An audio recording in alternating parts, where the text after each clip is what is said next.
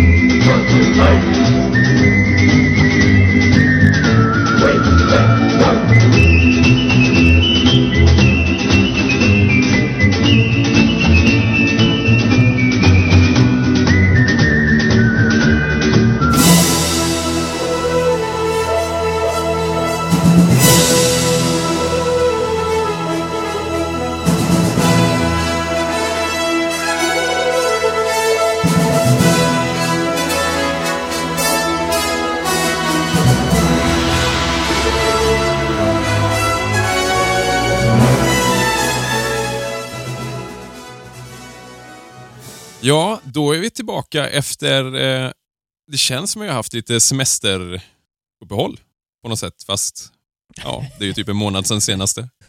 Ja. Det har vi ju haft. För Jo. senaste var ju förinspelat. Ja, just Ja. det. Exakt. Ja, just det. Då är det två månader sedan egentligen vi Mm. spelade in. Mm. Ja, vi har ju fyllt vår semester så här långt med ganska många besök på bland annat High Chaparral i alla fall, eller hur? Mm. Ehm, och jag har ju även varit i både Josie City och eh, Fort Kodiak den här sommaren. Mm. Vad gjorde du Ehm, på Kodiak? På Kodiak, nej men det var så, vi hälsade ju på, eh, vi har ju ett par nära vänner som bor i Sundsvall. Eh, och då hade vi bestämt med Ben innan att vi skulle hälsa på där då. Så vi var där och jag fick med mig våra vänner också som jag försöker lura in i västenträsket. Och för mig var det ju otroligt roligt. Eh, för jag fick ju prova på eh, Bennys Walker och även hans eh, Norrtäljegevär då. Ehm, det var ju fantastiskt kul alltså. Ja, Ehm, det såg väldigt häftigt ut. ja. Det är lite skillnad nu, det är, det är svårt att gå tillbaka till kolser efter man har skjutit med dem. Mm. Jag såg blåmärket på din axel. Ja, nej men eh, ja, Benny sa ju det så här, bara att till, du måste se till att ha geväret precis mot axeln liksom, annars ryker nyckelbenet. Eh, men det gick bra. Jag fick lite bristningar i huden, men annars så var det lugnt. Mm. Eh, ja, det var riktigt roligt. Och sen eh, på vägen upp till Sundsvall där vi var då, så stannade ju Erika och jag i Josie City. Det var lite av en slump egentligen. För eh, vi skulle ju köpa, skulle köpa med oss någon present till våra vänner och då tänkte vi att det bästa vore ju något västernrelaterat. Så jag skulle köpa två hattar på vägen då eh, på E4 upp norrut. Så jag skrev väl i någon västerngrupp bara tror jag va? Ja, och frågade är det någon som har tips på någon västernbutik. Och så svarade ju någon. Och jag tänkte ju inte, smart som jag var, på Josie City. Som vi ändå har tänkt och vi ska ju åka dit och intervjua någon gång. Eh, så det blev ett, eh, vad heter det? Oförberett besök där. mm. Mm. Hur var det där då? Jo, jag tänkte säga det just att eh, jag vet inte vad jag hade för förväntningar på just det. Jag, det är alltid så med, det var ju likadant med Kodiak egentligen och Riverdale. Mm. Foton gör ju aldrig rättvisa. Ehm, det här var ju otroligt stort. Jätte, jättestort var det liksom. Det var ju, då det ju, nu tror jag vi kom in bakvägen mer eller mindre, så vi kom ju in i själva eh, centrum så att säga. Mm. Och Jörgen där då som har det, han mötte ju upp och visade runt eh, olika stugor man kan bo i, tält och liksom eh, allt möjligt. Det var ju ett jättestort område. Ja, för den, den Eh. uppfattningen har man inte fått innan. Att det varit så stort. Nej. Nej, nej, nej, nej. Jag tror det var mycket mindre. Har du mycket folk då? Ja, just då var det väl inte så mycket. Det här var ju... Dels var det en veckodag eh, och sen var det väl, när var det? Två eller tre veckor sedan? Fyra kanske. Ehm, men det balla där var ju inne i centrumet så att säga, så fanns det ju en butik där du kunde köpa kläder, du hade kolsrevolvrar och lite allt möjligt. Och som jag fattade på Jörgen så de har ju liksom inga... Det kunde vara öppet sent på natten, Mm. eh, förstår jag det som. Och just där är att det är mycket byteshandel där med, att man tar med sig Ja, men jag ska sälja de här byxorna och de här kläderna. Liksom. Lite som på High Chaparral, men här sker det ju liksom på området. Mm. Mm. på ett annat sätt tror jag. Mm. Ehm, nej, så dit måste vi åka ganska snart ändå tycker jag och göra en... Det är tiden bara, men vi måste Ja. försöka hitta så vi kan Mm. göra ett riktigt besök där. Ja. Ja. Uh, och High Chaparral har det varit mycket ju. Ja. Mm. Och Deadwood ja, just det. Det, har- ju det har vi ju inte hunnit prata om alls. Nej. Nej. Ni har ju varit i... eh, Deadwood. Mm. Precis. vad kan ni säga om det då? Hela två gånger. Nej, det har ju Mm. inte varit eh, så mycket folk där än som jag förstår det, än så länge. Eller rulliansen har väl inte satt igång riktigt, men det är ju som det är med corona. Mm. Mm. Eh, Sen kan det väl ha mycket med att vi har varit där under industri, alltså när, när det är flest folk har semester. Då är det mer, mer turister ju. Mm. mm. I- Ja, det Att kän- det, att det, känns kanske inte är lika mycket medborgare menar du? Nej, precis. Det känns Nej, som att det, det är ju- färre medborgare då. Ja, det Mm. var ju ganska tydligt faktiskt, när vi var där. Ja. Det var inte så mycket medborgare överhuvudtaget. Nej. Mm. Ja, ni var i veckan som var nu va? Visst var det det? Ja, precis. Tisdag och torsdag var jag där. Vad, vad fanns det... Vad fanns det där nu då? Ni, det visst sålde de f- Ja, de har ju saker också en sån eller? hörna där, de, där du kan lägga av. Om du vill sälja grejer själv så kan ju du lämna saker, precis som du nämnde i Joyce, Joyce City. Mm. Mm. Eller Josie City heter det kanske. Mm. Men li- ja. Lite oklart om det sköts typ via Swish eller om man... Eller om typ medborgarstugan fungerar som en mellanhand. Ja, jag frågade aldrig om det faktiskt. Jag Nej, inte jag heller. Men de, de hade ju en hel, det var en hel del, det funkar ju så som att medborgare går dit och lämnar in kläder typ och sätter ett eget pris på det. Ja. Okej. Så det fanns ju, ja, det var en hel del. ah, ja, barnkläder. Mest var det ju faktiskt eh, kvinnokläder. Mm, ja, det var nog Mhm. mest. Mycket, en, en, inte mycket, men en del boots. Ja, Mm. en hel del västar när jag var där med. Mm. Vapen också? Nej. Ja, lite rockar och grejer med. Ja, något Det var- gevär fick jag för mig att jag såg, men jag vet inte om det var ett... Ja, det... Jo, men det var nog det. Ja, sydstatsrock, vad vet jag, hängde där med. Ja. Mm. Nej, men och det, sanden gör ju mycket i Deadwood.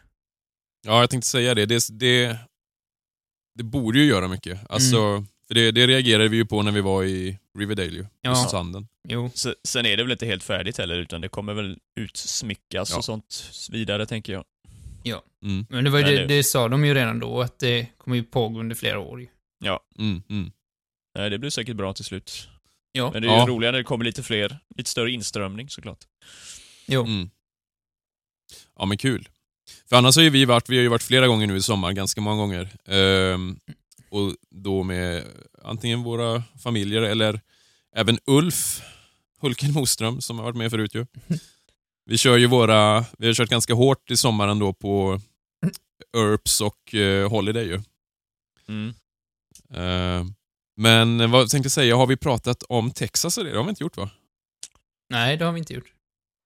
Inte mer att det är ett nytt område som öppnat. Ja, för det är ju väldigt, man märker ju, det märker man ju också stor skillnad på från förra året, sen Texas öppnade upp. Alltså det, det är ju mycket, le leder om folk. ja, större spridning, Mm. så att säga. Ja, Där har de väl också, var det där eh, de hade lagt dit de här dinosauriebenen nu med va? ja Mm. precis. Och sen har de flyttat lite hus och sånt. Så småhus.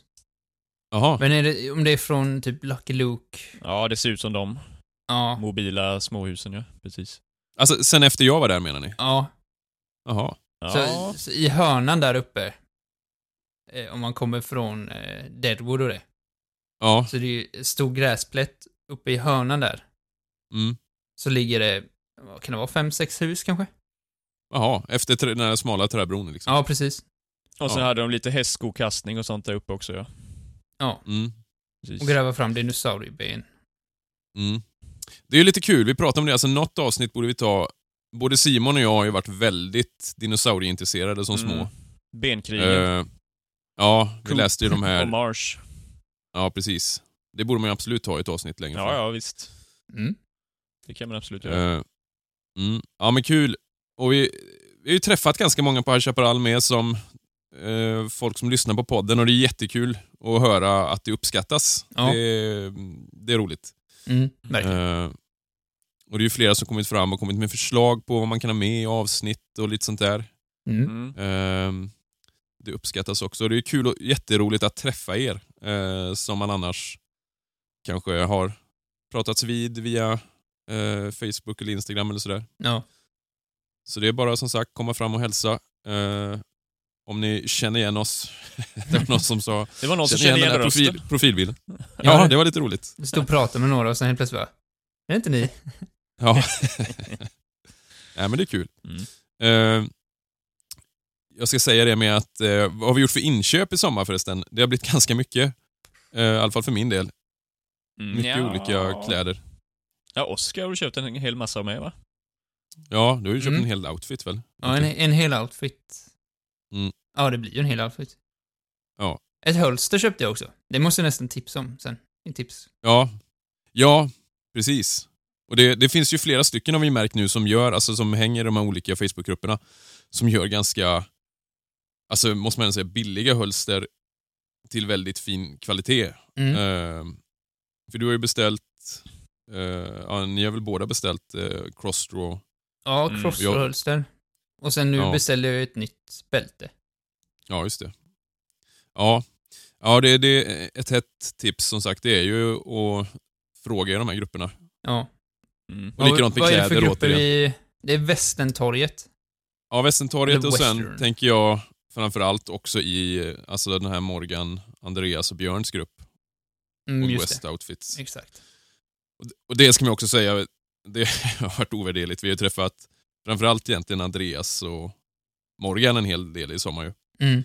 Mm. Och där har det också varit, återigen, ovärderligt. Just de här tipsen med vilka kläder man ska ha, eller bara att nej, det där är inte kanske rätt för den här eran och så. Mm. Så det är vi tacksamma för, om ni lyssnar. Mm. Jag har ju genomgått en kosmetisk förändring med, rent fysiskt. Ja, en väldigt Ja. viktig sån. Ganska stor, stort steg kan man Ja. säga. Jag har ju rakat av Ja. skägget som jag har haft i... Sen 2008 någonting tror jag. Ja. Det var ju på tiden. Mm. Ja, nej men det blev rätt så bra. Ja, Ja, verkligen. absolut. Framförallt eh, om du ska wide earpa. Så känns det ju som att... Jo, precis. Vi tänkte starta en kampanj med här nu då för Ulf. Som ska vara... Han ska ju klä sig som Virgil Earp. Han är, han är ju lite kär i sitt skägg fortfarande, så jag tänkte vi ska göra en, eh, en kampanj här nu för att han ska raka av skägget helt. Mm. Så det, det vore ju bra. Mm. Hashtag eh, Ulf av med skägget. Men det har han sagt ju vid ett Jo, jo. tillfälle nu, så han kan ju inte backa på det. Nej men nu tänker jag, nu blir det också offentligt. Ja, ja. Så nu är det ju ännu mindre. Ja, ja, ja. Ehm, vad mer? Jo, man kan säga det med. Jag håller ju på fullt upp hemma med salonbygge. Ja, just det. Mm. Det har ju tagit upp största delen av eh, min semester egentligen. Ehm, Mm. och, och ska vara med och slå sönder takbrädor som vi ska få se lite använda ut. Ja, det var, det var roligt.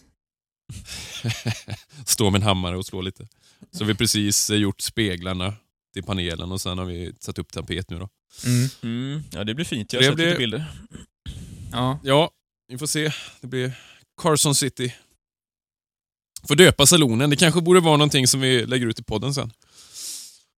Röstningar på vad salonen ska heta. Ja. Men det är inte därför vi är här idag. vad har vi på agendan idag då?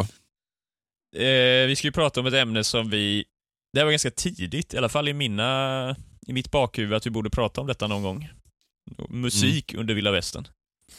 Jag tror vi till och med nämnde det i första avsnitt. Det gjorde vi säkert. Ja. Det känns Ehm. angeläget. Och det är ju ett ganska stort ämne som vi, Ja.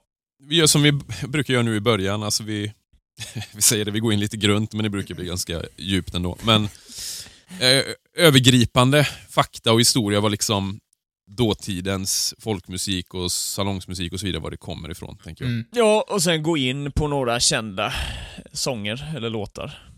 Med Ja, lite historik kring precis. dessa och eh, spela en trudelutt utifrån dem. Mm. En liten trudelutt. En liten trudelutt. Och sen har vi även eh, nästa revolver i Colt-serien, alltså Dragonen ska vi gå in på. Eh, och Simon har förberett ett quiz, är det så? Ja, det sista quizet. Mycket spännande. För den här gången. Ja, vi har, Fast ja, är vi har ju för sig redan... eh, Det är ju redan avgjort att det blir du etta, jag två och Oskar tre oavsett. Ja, Men ändå. det är oavsett spännande. Ja. Ehm, och sen eh, ska vi även göra filmrecension li- lite kort på eh, nummer två i dollartrilogin då. Yes. För några få dollar mer. Mm. Ja, men då sätter vi igång med musiken.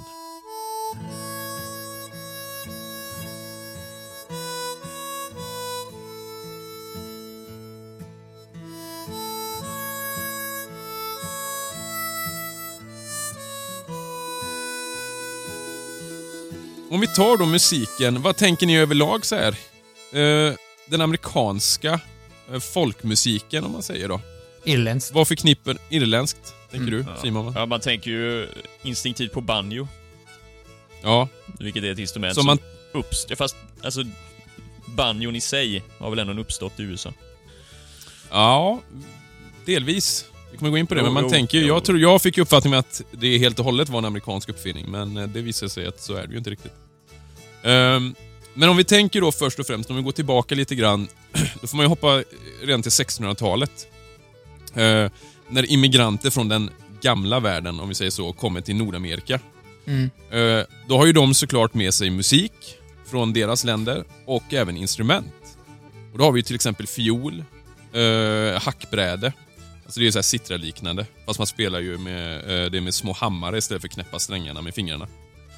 Ehm, det är egentligen från Mellanöstern tror jag.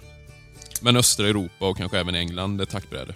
Så redan där har vi ju liksom Hur från är olika delar det... av världen. Nu är jag i och för sig lite okunnig när det gäller musikhistoria, men klarinetten, hur gammal är den egentligen? Ja, det är ju äldre. Eller ja, det kanske är där någonstans i och för sig. Ja, Det är men jag menar det, för det måste ju-. Den måste ju introduceras, eller de måste ju använt den redan då också, tänker jag. 1600-talet. Ja, I sådana fall. Fast Jo, är det så det gammalt? skulle jag tippa på. Det skulle, man Jag skulle måste kollat upp. tänka just... Ja, klarinetten, det är i och för sig inte sådär våldsamt vanligt i den här musiken. Det är ju senare. Ja, Den har ju 1800-tal sin är det väl ganska... Ja, fast, ja, fast inte i den här musiken. Den kommer ju senare i eh, jazzen, egentligen. Och eh, tidig jazz och... Jo, det, det är ju där den tar mycket större plats. Men den gode Steven Foster spelar ju klarinett. Jo, men han, han är ju mer orkesterinriktad. Ja, kanske det i och för sig. Nu pratar jag ju mer om, om folkmusiken. Ja, jo. Visst. Och, och, och munspel kommer ju så småningom och det är ju också från, det är från Tyskland då. Eh, musiken också då som spreds, den spreds ju ofta genom bo, eh, boskapsfärder. Alltså man tog arbetssånger och kanske folksånger från Tyskland, Skottland, Irland. Afrikanska slavarna hade ju till exempel sina arbetarsånger som de gjorde på bomullsfälten. Och så omformar man de här liksom efter tycke och smak, så det blandades ju.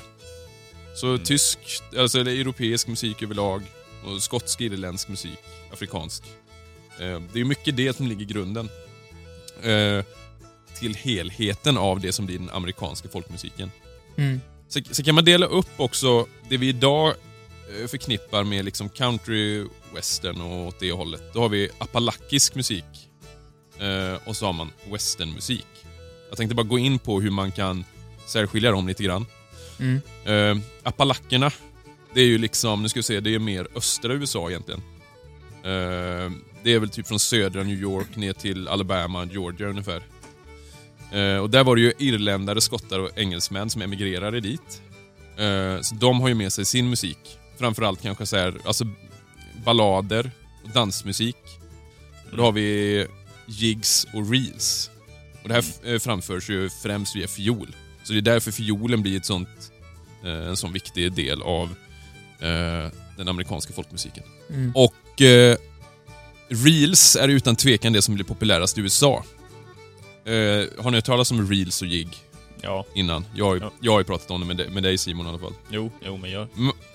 Men, men eh, har ni koll på vad skillnaden är på det? Nej, inte direkt.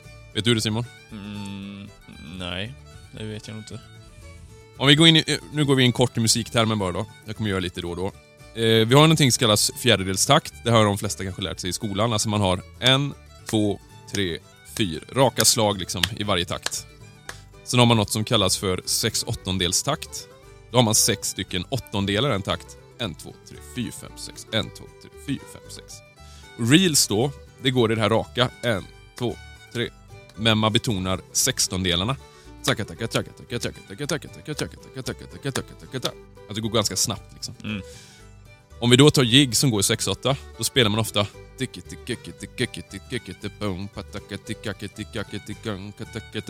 förknippas ganska mycket med irländsk musik.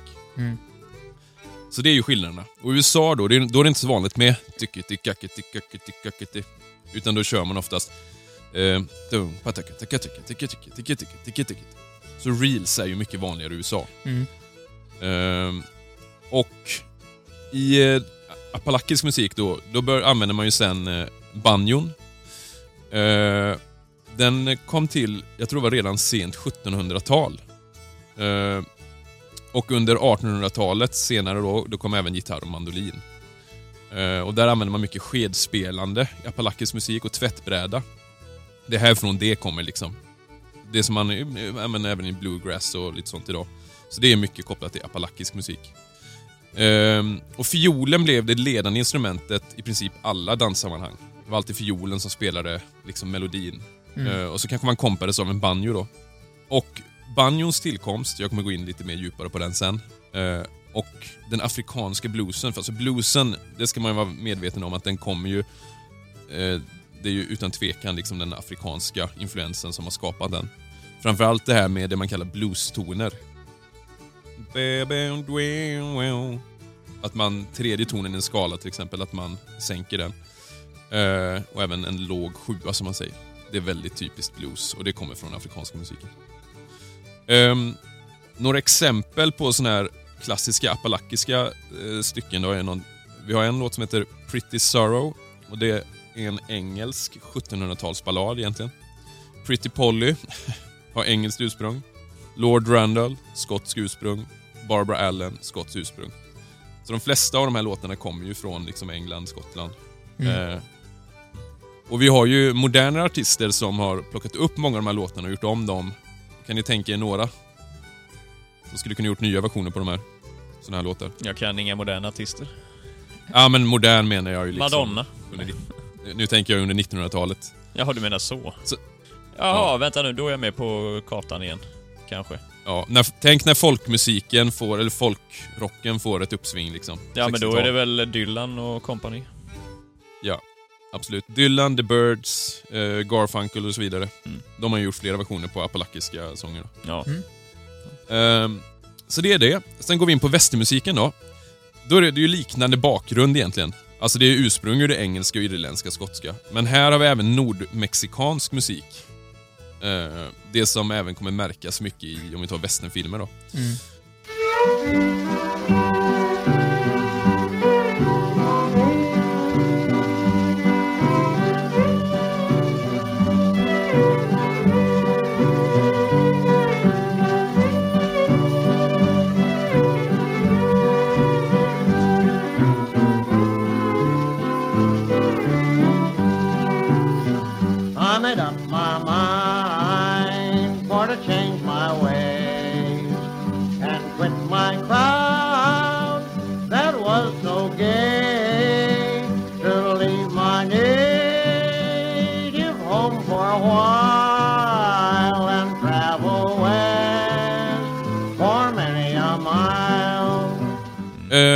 Det här framfördes ju och skrevs av folk i västra USA mer och i Kanada. Och då var det ofta fokus på cowboyyrket. Eh, livet på prärien. Ja. Det är ofta det det handlar om. inte Absolut inte bara, men det var mycket det. Mm. Eh, och det hade väl också med boskapsvärlden att göra, att man var ute liksom på en, om vi tänker som Lonesome Dove till exempel, en sån färd. Mm. Och, och eh, tog eh, sina erfarenheter där och använde det i textskrivande. Och här har vi många av de här texterna kan ju spåras till Europa. Om vi har till exempel Streets of Laredo då. Eh, den kan ju spåras till, vad är det, 1700-tal? Sent 1700-tal. Men är det melodin du In- menar nu? Musiken? Ja. Just det. En irländsk ballad som heter The Unfortunate Rake. Mm. Eh, och som skrevs om, det vet ju du med, till ehm, Cowboys lament. Mm. Eller Streets of Laredo då. Och det, det har jag hittat lite olika, det verkar ju vara 70-tal. Fast någon har skrivit 60-tal och så vidare, men... Ja, angående just den eh, Cowboys Lament eller Streets of Laredo så är det ju... Det går ju att likna ganska mycket med svenska skillingtryck från nästan samma period Mm. egentligen, alltså sent 1800-tal. Det är Mm. ofta någon slags moral, svensk moral inbakad i detta. Gör inte så för då kommer det sluta illa och så vidare då. Det handlar ju om en cowboy som har blivit skjuten och dör Mm. och berättar ju om sitt vilda leverne. Eller man får ju Mm. reda på det via texten. Då. Mm. Eh, och det går ju igen i flera sådana här cowboy-sånger misstänker jag, under den här tiden. Ja. Sent 1800-tal. Mm. Det står ju, det finns ju någon cowboy som eh, hävdar att han har skrivit den här. Har du läst om det eller? ja, precis. Ja. Mm. Ja. Men det är svårt, det, det lurar med många av de här låtarna, är att det är svårt att sätta en, alltså, Ja, eh, exakt datering Exakt. på dem ja. ja. Ja. Någon kan ha Det plockat det är en upp melodin de någonstans som- ifrån och någon har skrivit en text Ja. och någon kan ha modifierat en text och så Exakt. vidare. Så att, det egentligen, jo vissa enstaka låtar som vi kommer ta upp sen kan man ju sätta ett år på, men ofta är det ju, Ja. det är ju snarare de U- som är undantag. Ja, ursprunget är ju ofta, eller näst, nästan i samtliga. Alltså det, det, det vi kan sätta ett finger på är när egentligen en noten har tryckts. Det är ju det. Ja. I och med att du Mm. inte hade inspelning, utan du, när noten har gått i tryck. Mm. Eh, om vi tar, återigen, om vi går in på Steven Foster sen, där, där kan man ju prata om sånt liksom. Mm. Eh, vi skulle kunna lyssna en liten snutt på Streets of Laredo.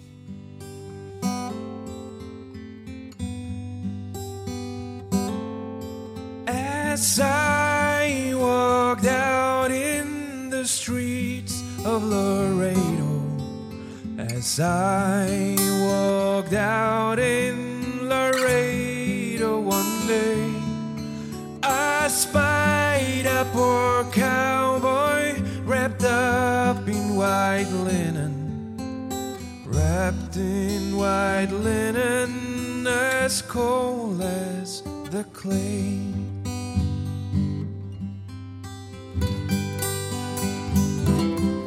We beat the drum slowly and played the five lowly as we bore him along. For we all loved our comrades, so brave, young, and handsome. We all loved our comrade, although he done wrong.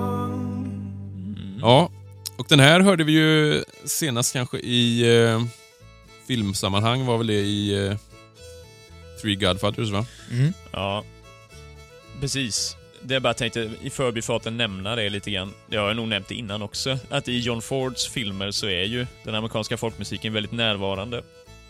Mm. Och han, jag misstänker ju, nu är jag inte helt säker på detta, men jag har väldigt svårt att se att inte han har haft ett eller två fingrar med i eh, komponerandet av de här låtarna egentligen, till, eller filmtemana. Ja, att, han, att de ska alltså, med. han, ja. ja, att det ska, Mm. vara, det ska vara med i den här. Alltså det är ju uppenbart. Trail to Mexico, då, Ja. en annan cowboylåt, är ju ledmotivet i Stagecoach till Skensen till exempel. ja, och i vårt intro till exempel. Ja, jo, Ja, just det. Eh, oh My Darling Clementine är inte helt otippat med i My Darling Clementine. och eh, Streets of Laredo i Three Godfathers som du nämnde. Och eh, sen Lorena, som vi kanske nämner lite grann, är ju invävd i huvudtemat i Searchers till exempel. Tillsammans med Bonnie Blue Flag. Eh, Lite otippat också är att eh, Streets of Laredo sjungs i Rocketman. Elton John-filmen. Jaha. mhm. Den var tydligen, alltså det verkar som att det var någon version på 60 eller 70-talet som blev stor där. Eh, för de säger någonting, sån här, någon skivproducent bara om det kommer in en jävel till och sjunger Streets of Laredo så stryper jag dem liksom. Så det är lite kul. Ja. Ja men visst, om vi fortsätter där då. Eh, vi var inne på det här med västernmusiken och de tidiga västernbanden då. Eh, de bestod ju av, alltså något stränginstrument. Typ fiol eller mandolin. Jag inbillar mig att det inte var gitarr, för det var inte så jävla smidigt om du var cowboy och släppa med en gitarr. Nej. Det, det hände ju säkert, men det var mycket lättare att ha med en, en li- liten mandolin eller en fiol. Och framförallt munspelet då. Mm. Då satt man ju och spelade runt lägereldarna och då spreds ju de här melodierna. Kanske det var en irländare som sjöng eh, Unfortunate Rake liksom, så var det någon som ah, den där, jag snoppar upp den, sa jag snoppar upp? Jag snappar upp den melodin och Men- gör något nytt av det. Verkar det vara vanligt att eh, cowboys sysslade med musik? Eller alltså, förstår du vad jag menar? Eller var det Ja, en, det verkar- en som munspel. spelade? Ja. Nej, det var nog ganska vanligt, som jag fattade, det var ganska vanligt att du hade med, det tror jag Morgan pratade också om, att man hade liksom ett munspel med sig i fickan. Mm. Jag kommer komma in på det med att gemene man... Ja, det, det gick... Alltså, ja, jag tror överlag så här, att folk hade en större förmåga att spela på något sätt. Man såg det inte som... om Jag tänker bara tänk som på vår morfar, Mm. till exempel. Jo. Eh, Om vi tar tillbaka det, man, alltså det var ju något man gjorde Han för var att ju fördriva tiden liksom. Kopojke. Jo. Och, och även eh, mormors pappa, Emil den äldre. Mm. Jo. Så jag tror det, det, det ligger något i det liksom. Um, enligt Otto Gray, en tidig västernbandsledare då, så fanns det bara tre rytmer i den västernmusiken som man använde sig av. Och de baserades ju inte helt otippat på hästens gång. Alltså skritt, trav och galopp. Eh, och skritt då, det inbillar jag mig måste vara shufflade åttondelar.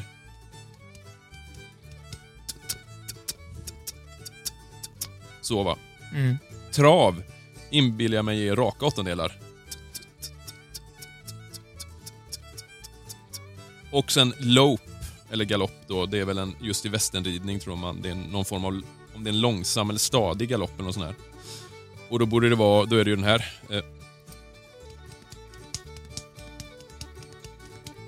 Den kanske man, mm. som man mest förknippar med eh, eh. Mm. Så de använder man, det kan ju vara kompet att gitarren spelar Eller, och skeden kanske spelar eller vad säger jag, tvättbrädan. Och som sagt, man säger ju ofta att de här eh, västernmusiken handlade om cowboys och deras levande, men det var inte bara det. Det kunde ju vara just de 49ers till exempel, immigranter, banditer, lagmän, västerns storhet och skönhet. Så det fanns ett väldigt stort, men det förskönande av västern på något sätt ändå. Ja, återigen arbetssånger som du nämnde innan ju. Ja, Som den här mycket. Ox mycket Driving på det. Song till exempel. Mm. Som vi Ja, kan... funktionssånger. Ja, precis. Alltså antingen det, att man... Det kan ju vara ren, renodlat, alltså det här sjunger vi när vi jobbar. Ja. Eller, som du pratar om, skillingtryck och sånt med. Alltså åt det hållet. Jo, jo. Eh, lite exempel på låtar bara som jag tar nu, några som man kanske känner igen. Buffalo Gals, den är ju noterad 1844. Home on the Range, eh, texten är skriven 72-73. Eh, någonstans. Oh Susanna, det är ju Foster. Eh, 1848 tror jag den är noterad. Streets of Laredo. Red River Valley. Eh, verkar vara skriven 1890, men kan vara från 70-tal. Oh My Darling Clementine. Texten är skriven 1884, men kanske lite äldre ändå. Det, det finns ju någon som hävdar att just Clementine skulle gå tillbaka på någon spansk ballad som är mycket äldre då. Mhm. Eh, ja, som har, ja, som är från guldruschens tid, så 1840-50-tal. Mm. Jag vet inte om det är bekräftat dock, men det är ju inte helt omöjligt. Nej. Nej, det låter ju troligt. Mm. Ofta är det ju melodin som är stulen och sen eh, Mm. skriver man om texten. Jo. Mm. Ja, men så de två. Då har vi apalakisk och västermusiken. Som sagt, de är ganska lika, men eh, det ena är ju mer åt det klassiska eh, brittiska balladhållet. Men där räknar man då eh, Foster antar jag? Han eh, klassas mer som västermusik, ja.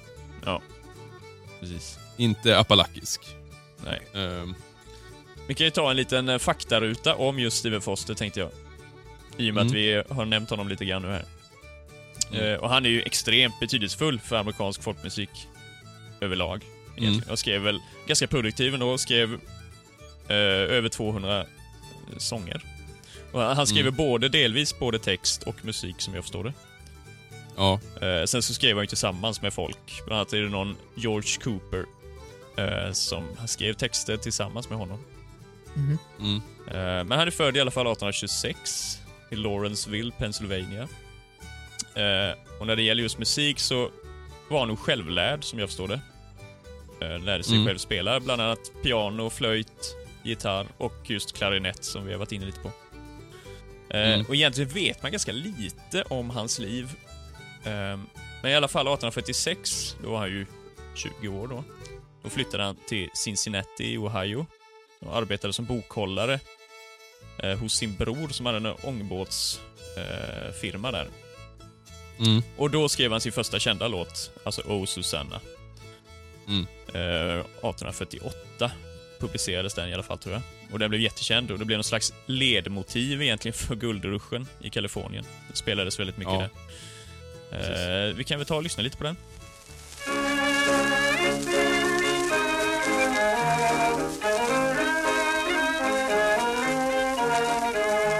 I came from Alabama with my banjo on my knee. I'm going to Louisiana, my true love for to see. It rained all night the day I left, the weather it was dry. The sun so hot I froze to death. Susanna, don't you cry. Oh, Susanna, oh, don't you cry for me. I've come from Alabama with my banjo on my knee.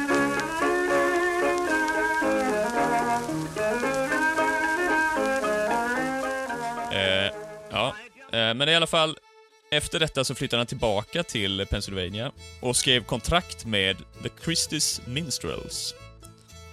Eh, och kom att skriva flera kända sånger där, som Compton Races. Du, du, du, du, du, du, du, du, du, du, du. Känner ni säkert till. Mm. Ja. Eh, eh, My Old Kentucky Home, Genie with the Light Brown Hair. Och mängder med sådana kända dängor. Mm. Eh, sen så, under kriget 1864, så insjuknade han i feber. Eh, och under febern, så då, då var han ju försvagad, så ska han ha ramlat och skurit upp halsen. Och förblödde alltså. Men det är lite Oj. oklart om det är så här det gick till, eller om han begick självmord. Det spekuleras lite i att det skulle kunna vara så. Och att om det var så skulle hans familj antagligen försöka mörk, mörka detta. Ja. Eh, för då var i alla fall den här George, som jag nämnde, George Cooper, eh, hans kollega då som han skrev tillsammans med. Han var närvarande. Han hittade honom där i en pöl av, med blod. Mhm. Eh, men det är oklart, som sagt. Det, det nämns någonstans om att han hade en stor kniv till att skära frukt eller någonting. Det är mycket möjligt att han tog livet av sig, men det vet man helt enkelt inte. Nej. Men han var ju bara 37 år gammal när han dog. Så det var lite tragiskt Mm. levnadsöde. Ja, just på en sån betydelsefull person också. Mm. Jo. Men jag, jag kan lägga till bara där också att Foster växte ju upp i ett område med mycket skotsk-irländska, tyska och italienare. Så det påverkade ju antagligen hans musikaliska bild och uppfattning, så han fick ju med sig mycket av det här redan från barnsben. Liksom. Mm. Mm. Jajamän. Men jag ska gå in lite på banjon då. Hur, eh, hur den har uppkommit mer eller mindre. Mm. Mm. Mm. För det är ju så här då, om jag fattat det rätt, att afroamerikanerna tillverkade liknande instrument utifrån afrikanska modeller eh, med liknande design. Eh, för redan under 1600-talet ska slavar från Västafrika ha spelat liknande instrument i Karibien. Och under 1700-talet då började banjon dyka upp i Nordamerika. Framförallt på plantagen då. Finns det något, Eh, jag får bara flika in lite här, eller fråga en Ja. sak. Finns det någon namn på den här proto-banjon? Nej, eller det finns det säkert, men eh, vad jag har sett, alltså står det bara eh, att det är banjo-liknande. Ja, okej. I princip. Alltså det är bara materialet kanske som skiljer egentligen. För rent, eh, Eh, var kommer jag tror det var fyr, från? fyrsträngt. Ja, det vet jag inte faktiskt. Banjo. Mm. Men eh, Ja.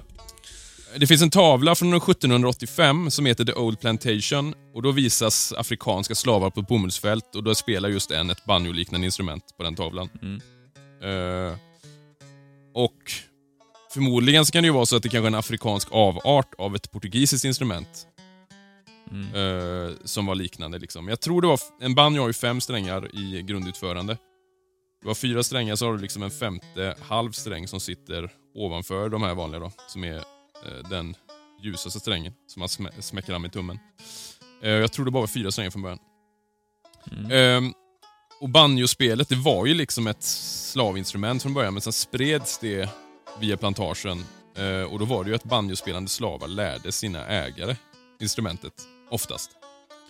Eh, först runt 1820 eller 30-talet så började vita uppträda som banjospelare, alltså, eller offentligt. Då är det minstrels alltså. Eh, ja, ja, jo, det kommer nog i det. Eh, och det var då man la till den femte strängen, tror jag. Eh, Joel Sweeney, han var ansvarig för att det kommersialiserat banjon. Från arbetarklass till medelklass. Och han, turne- ja, precis, han turnerade runt landet med just såna så kallade minstrel shows, som du pratade om tidigare. Och det, och det var ju alltså såna här, det var ju rent rasistiskt och komiska varietéer. Där vita spelade och drev med afroamerikaner. Alltså man bara... När man gör narr av en, typ, som det är ofta i... Ja men jag tänker lite som Samuel Jackson i uh, Django Unchained till exempel. Mm. Ja. Och man gjorde även så här blackface. Så de vita målade sig ju svart i ansiktet. Eh, eller klädde ut sig till afrikaner på olika sätt. Så det var ju det var en komisk va- va- varieté där man drev med eh, slavarna. Mm. Och här kommer ju i princip alla de här klassiska eh, västernsångerna Mm. eh, i minstrel shows. Eh, bland annat, till exempel Old Dan Tucker handlar ju om en galen eh, slav, mer eller mindre. Så kollar man den originaltexten så är den inte så trevlig egentligen. Eh, och det, det är nog ganska många av de här sångerna som, som handlar om det. Kanske kan lyssna lite på Old Dan Tucker.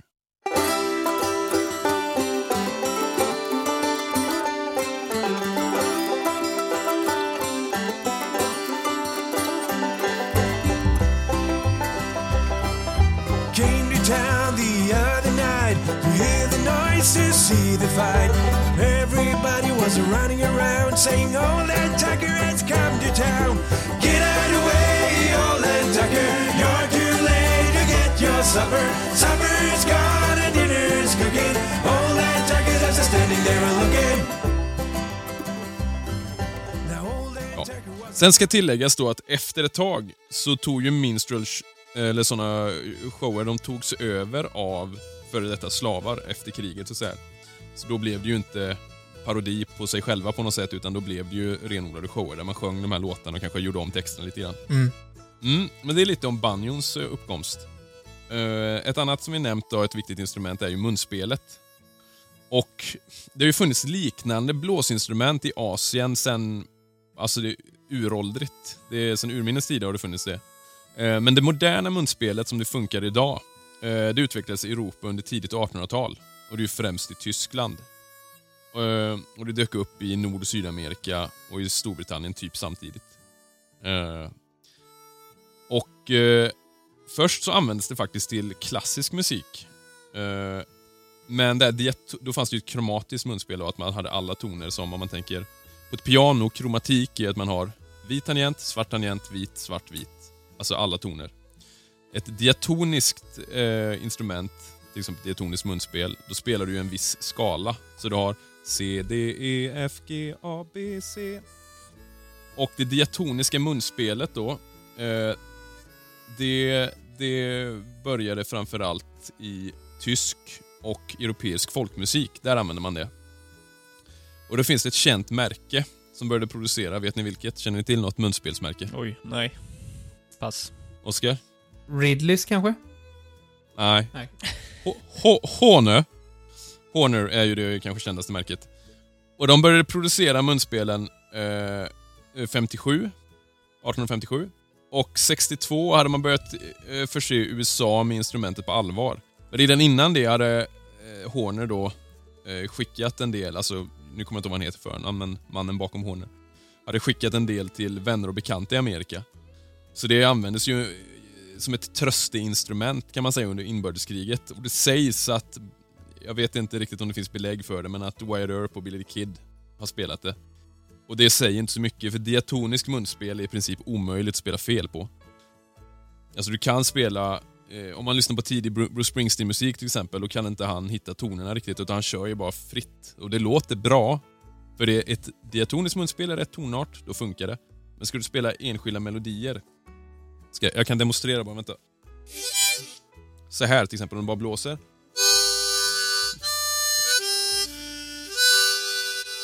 Så kommer det låta okej så länge man spelar rätt tonart. Men om man ska spela...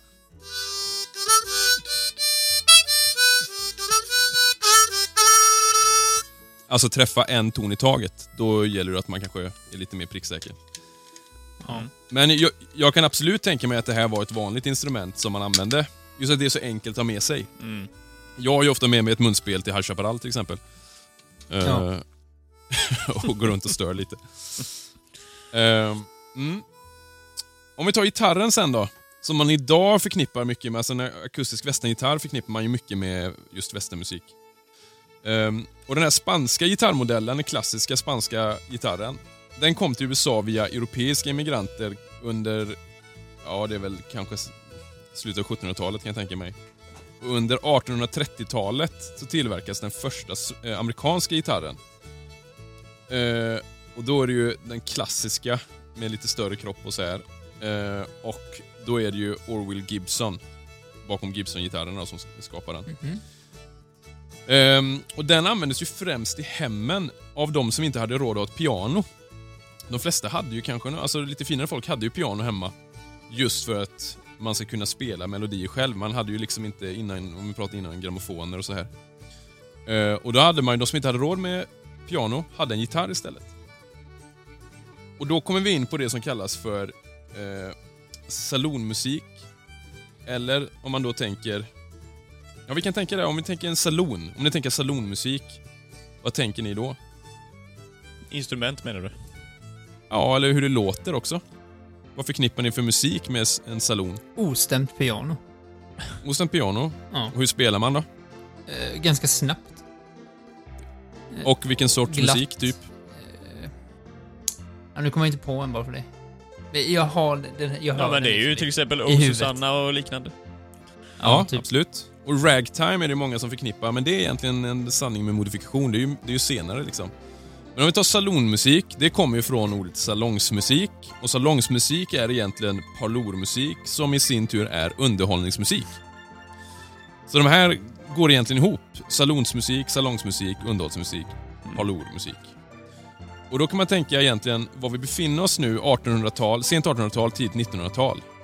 Eh, och då ligger man ju egentligen i gränslandet av det man kallar klassisk musik och populärmusiken. Om vi tänker romantiska eran och det och sen går vi in på modernare klassisk musik. Och i samma veva där så går man in mer på jazzen och det här.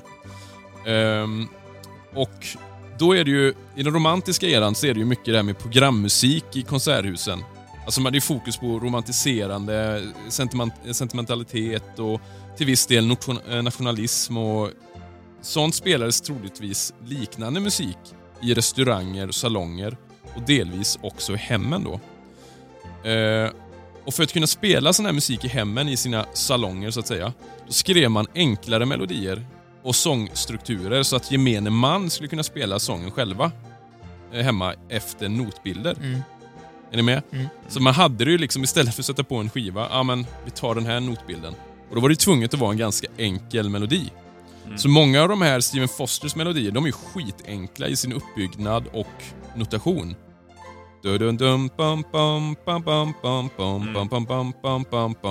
Det kan en idiot spela om du får en enkel not liksom framför dig. Mm. Och eh, det här blandades ju lite med irländsk musik och europeisk romantiska kompositioner.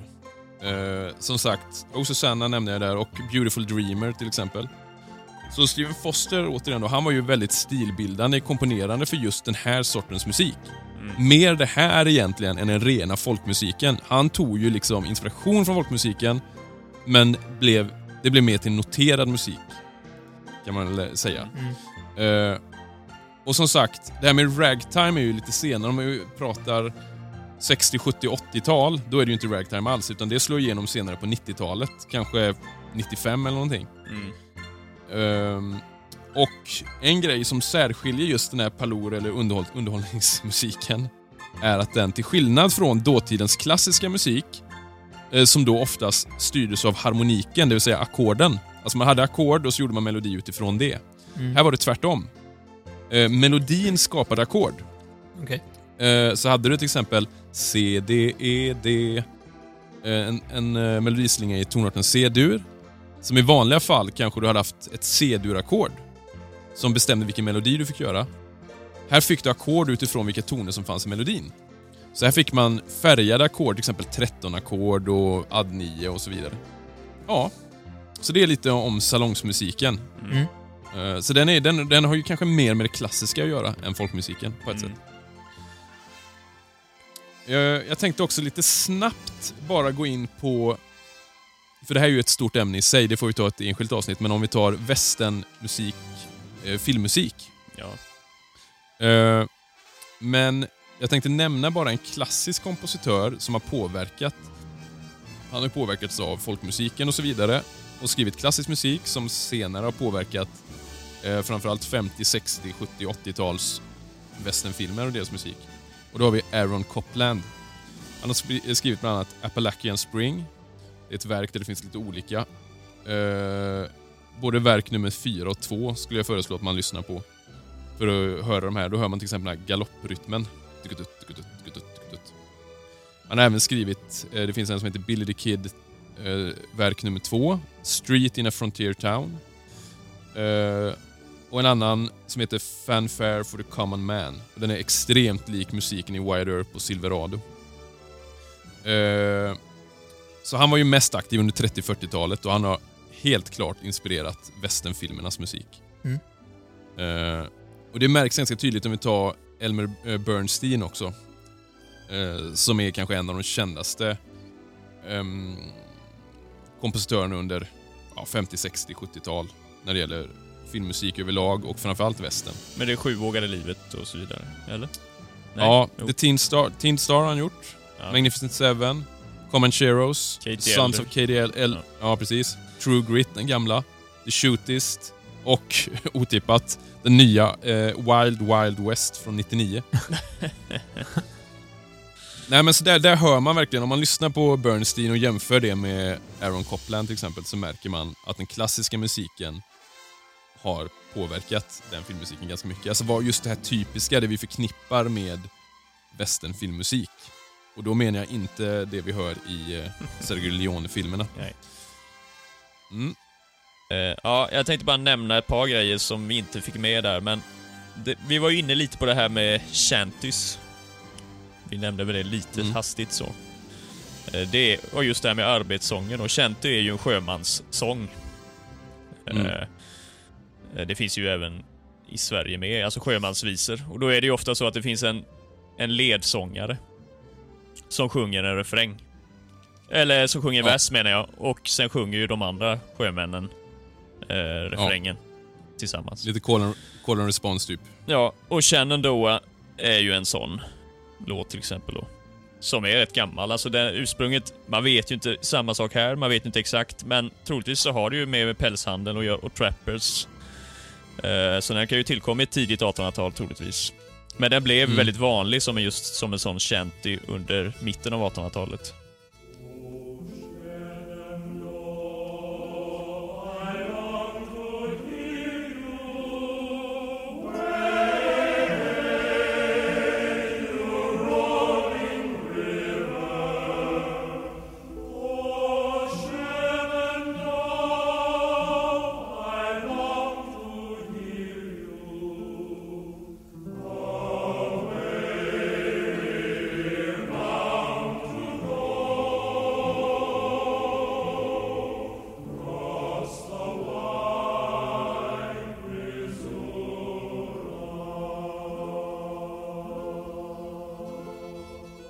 Vilket är det, f- så att säga, refrängen på den? Vilka sjunger liksom, Ja, vilka, vad sjunger ja, försångaren Just, sjunger... ja, det, just i det fallet, just det specifika Jag tror fallet, inte så är den- det lite svårt att förstå hur det, den ska ha sjungits som en... eh, Nej, som en just precis. Som en. Men det, tydligen ska det ju ha varit en sjömanssång i alla fall.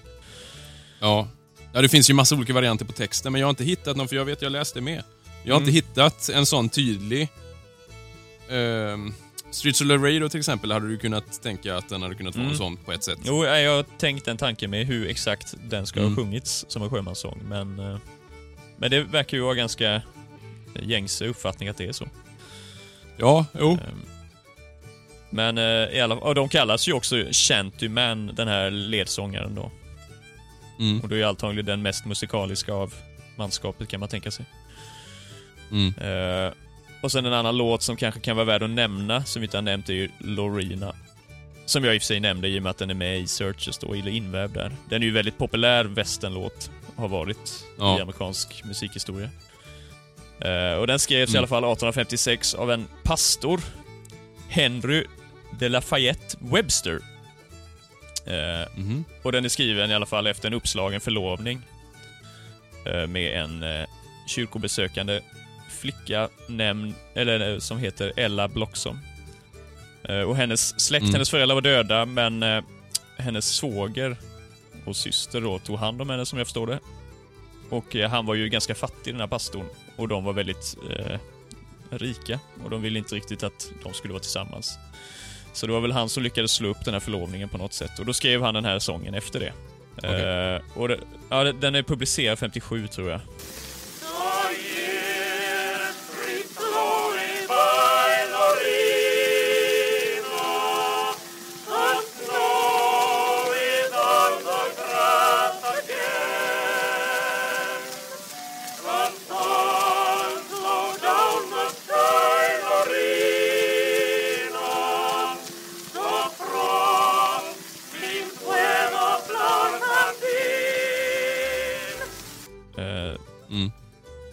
Men i alla fall, den här var väldigt populär under inbördeskriget också. På båda sidorna, både syd och nord. Mm. Eh, mm. Ja, där, just där när du pratar om nord och syd. Jag funderar på vilka, vi hade ju... Eh, där har man ju lite olika låtar man skulle kunna nämna lite kort. Alltså... ehm, eh, Southern Soldier som även heter... Den heter ju något annat med.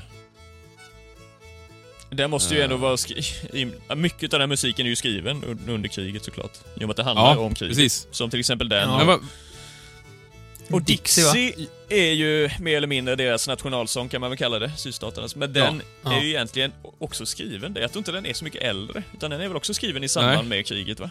Ja. ja. Sen har vi väl Johnny Goes Marching Home. Den är väl skriven för sy- eh, Nord menar jag va? Ja, den är väl- så? Ja, det är ju det. Den är väl äldre egentligen va? Jag behöver fundera på om det Ja, är tidigare men texten den... den eh, Ja, Eh. Yankee Doodle är ju ett annat exempel på Nordstats Ja, sång precis. som är väldigt känd. mm. Mm. Ja, man har ju, och vi var inne på det i något avsnitt tidigare. Just den här um, Old Lang Syne, va? eller vilken var det som var förbjuden att sjunga Ja, det var ju du. Ja, det nämnde ju du där ja. Precis. ja, under inbördeskriget. Så musiken har ju spelat jättestor roll under västern på, på många sätt. De, dels genom att föra vidare traditioner om eh, eh, cowboylivet till exempel.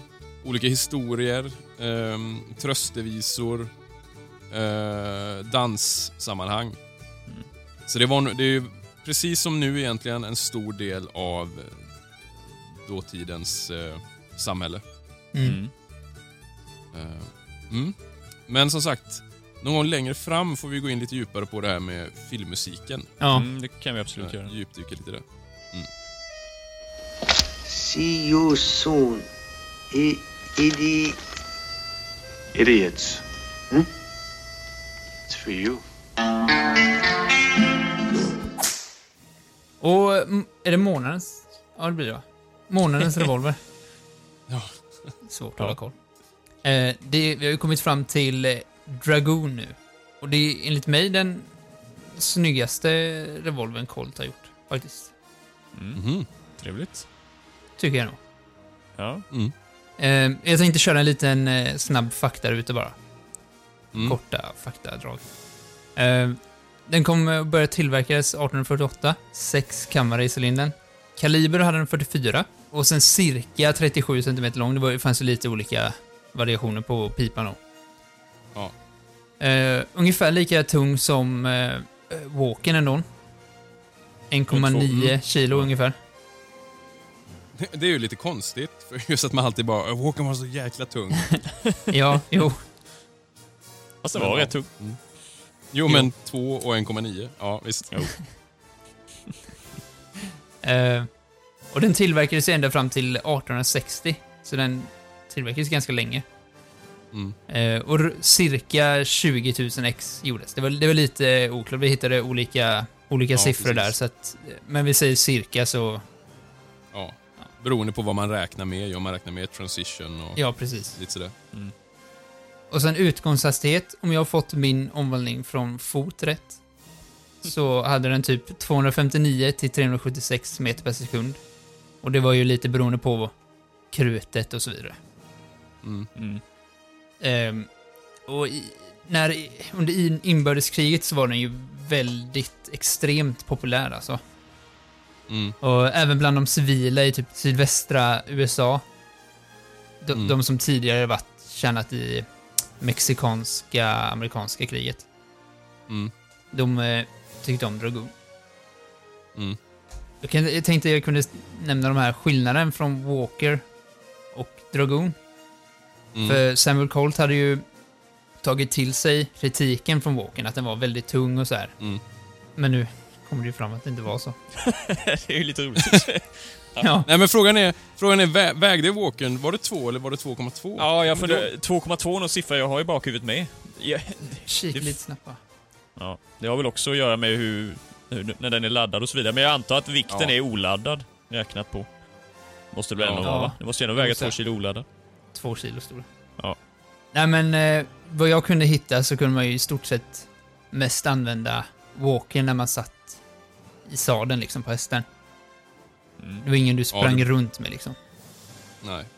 Förutom Josie Wales. Jo. Och de, de stora förändringarna han gjorde, det var att han kortade ner cylind, själva cylindern, om man jämför nu med Walken då. Och då han, man, det vi pratade om förra avsnittet med, eller ja, förra pistolavsnittet, Mm. eh, att eh, han ändrade så att man kunde ha bara ha 50 grains krut istället för 60. Ja, precis. Och första modellen då, den var ungefär 7 tum, pipan. Mm. Och senare modeller, typ, jag kommer inte ihåg exakt om det är andra eller tredje, så kunde man få... Trean kunde du ha. Ja, trean, ja. ja. Mm. Och då kunde man få upp till 8 tum. Ja. Och till skillnad då från Walkers 9 tum.